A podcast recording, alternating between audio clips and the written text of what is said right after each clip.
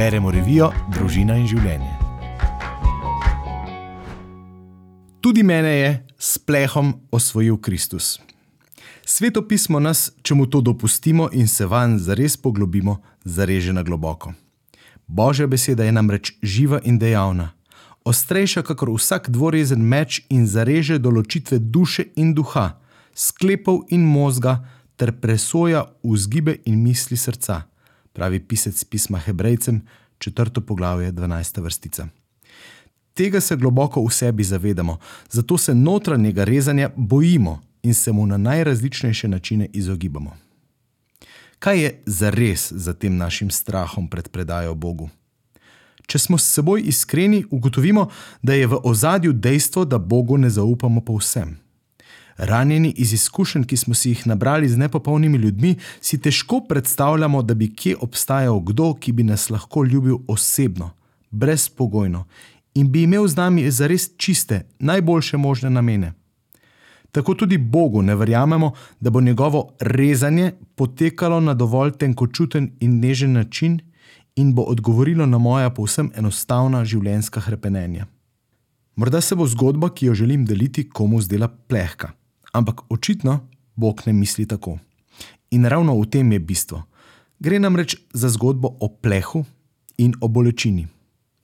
Vsako rezanje se namreč neizogibno začenja z bolečino.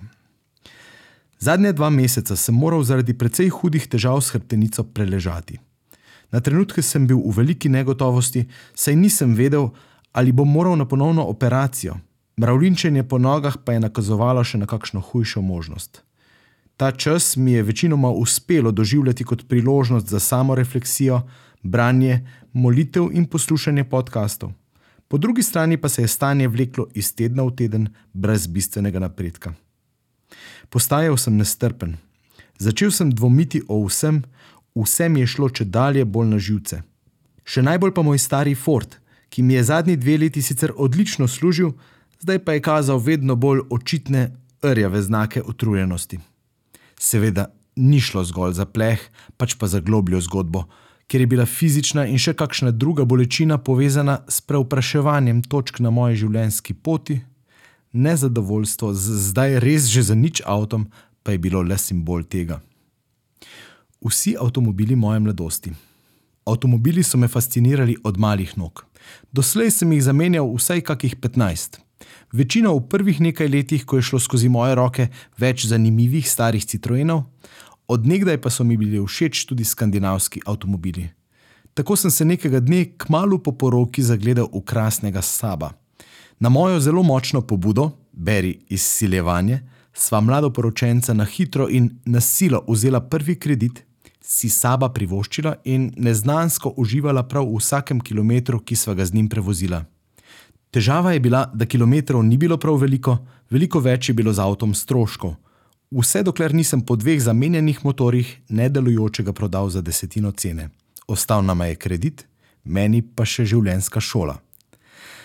Takrat sem se skladno s preobrazbo v odgovornega družinskega očeta odločil, da grem na avtomobilski post. Avto ne bom več kupoval za dušo, pač pa zgolj kot sredstvo, ki mi bo pomagalo priti od točke A do točke B, sem si rekel.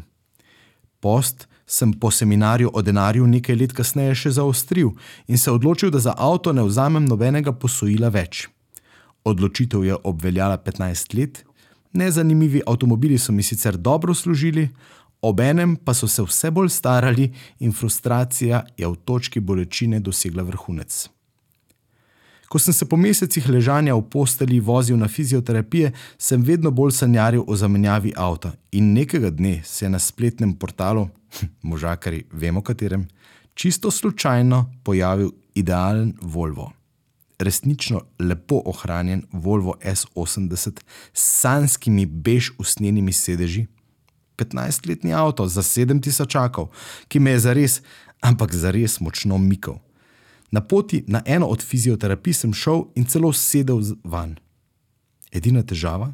Denarja za njim nisem imel. Čaka nas investicija v hišo in tako bi bilo treba za dosego sanj spet seči po kreditu. No, ne čisto za res. zares dober prijatelj, ki mi je močno privoščil ta avto, mi je ponudil, da si denar izposodim kar pri njem in ga vrnem kadarkoli. Skušnjava je bila na višku. Šel sem pred Boga v molitvi in kmalo dobil odgovor. Tak, ki je zarezal kot dvorezen meč. Zelo jasno sem slišal pravi odgovor. Ostani na postu, ki si si ga zastavil. Ostani v finančni resnici.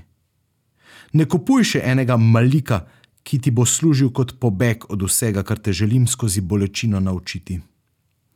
To rezanje je bilo tisti trenutek res sila neprijetno in naporno, priznam. Vendar sem se odločil in avta nisem kupil. Sledila so čudežna znamenja. Potem pa se je začelo dogajati. Že tisto popovdne, ko sem se odločil biti poslušen božjemu navdihu glede avta, sem sedel v neki čakalnici v Ljubljani v povsem sekularnem prostoru. V nekem trenutku mi je pozornost pritegnil listek, katerega delček je kukal iz starega kavča, na katerem sem sedel. Ko sem ga potegnil ven, me je skoraj kap. Šlo je za knjižno kazalo Berem besedo ki smo ga s sodelavci na svetopisanski družbi osnovali pred več kot osmimi leti, kot del promocije branja svetega pisma z odlomki iz knjige Bistvenih sto, za katere prevod sem bil zaslužen. Očitno je nekoga tako nagovoril, da ga je po vseh teh letih odložil tja. In jaz sem to neverjetno na ključe v narekovaju razumel kot jasno sporočilo očeta, da je moje delo takrat imelo globok pomen in smisel. V naslednjem trenutku so se v preddverju čakalnice odprla vrata in vanjo sta, ne da bi me videli, vstopili mati in hči, ki sta se glasno prepirali. Hčerko sem slišal reči: Mami, zakaj ti tako zelo ne maraš očija? Ko sta me zagledali, sta s prepirom seveda prenehali, mene pa je ta očitna odnosna stiska spomnila, kako nujno potrebno je, da kar največ ljudi sliši za družino in življenje, ter da ima moje delo tudi sedaj globok smisel in pomen. Prepirljiva mati in hči sta se takoj zatem odpeljali ravno s takšnim Volvom, s katerim sem se sam tisto jutro odpovedal. še eno na ključe. Ampak s tem teh čudežnih znamen še ni bilo konec. Na poti domov sem povsem spet v narekovaju po naključju prežgal radio ognišče, kjer se je ravno v tistem trenutku začela družinska kateheza. Tokratna gosta sta bila dižovca Bojan in Sara Doljak. Predvajani posnetek pa je bil iz predstavitve Sarine knjige Da življenje zviča, ki sem ga povezoval jaz. Ni odveč reči, da sem prišel domov vesel kot radio. Pa ne zato, ker bi sebe slišal govoriti po radiju, pač pa zato, ker mi je dal Bog po teh čudežnih znamenjih vedeti, da ima vse pod nadzorom, da ni treba, da se za to trudim jaz in da so stvari, ki sem jih in jih še počnem, zanj smiselne, da sem na pravi poti. Zvrhano mero vam bodo nasuli, Luka v Evangeliji 6. poglavje 38. vrstica. Da bi bila mera polna, mi je moj dobri prijatelj, mehanik, nekaj tednov kasneje poslal fotografijo preverjenega Volva V70 z vprašanjem, če me zanima. Avto letos res da praznuje drugo okroglo obletnico, zelo lepa in ne prav nizka je tudi številka na števcu kilometrov, vendar je lepo ohranjen. Za le delček cene tistega prejšnjega, za nameček pa ima še bež usnjene sedeže. Seveda sem ga kupil in tako imam po 15 letih končno spet avto za dušo, ki pa ni bil izsiljen, ampak na nek način podarjen. Kljub temu pa mi kar nekaj časa ni bilo povsem jasno, kako je mogoče, da mi tak preprost avto prinaša toliko res že prav nadnaravno količino veselja. Ugotovil sem, da ta izdatna mera veselja in miru prihaja kot bonus od zgoraj. Del božje vzgoje je tudi v tem, da mi sporoča, da je Bog zares vreden zaupanja, ter da v mojem življenju ne bo poskrbel le za smisel in pravo smer, pač pa mi bo čisto na vsakdanji ravni dal stvari, po katerih hrepeni moje srce, na način, kot ga jaz potrebujem in razumem. Zdaj veliko bolje razumem tudi apostola Pavla, ki pravi, da ga je osvojil Kristus v pismu Filipljanom 3. poglavje 12. vrstica. Tudi mene vedno bolj osvaja in osvobaja. Kaj pa tebe?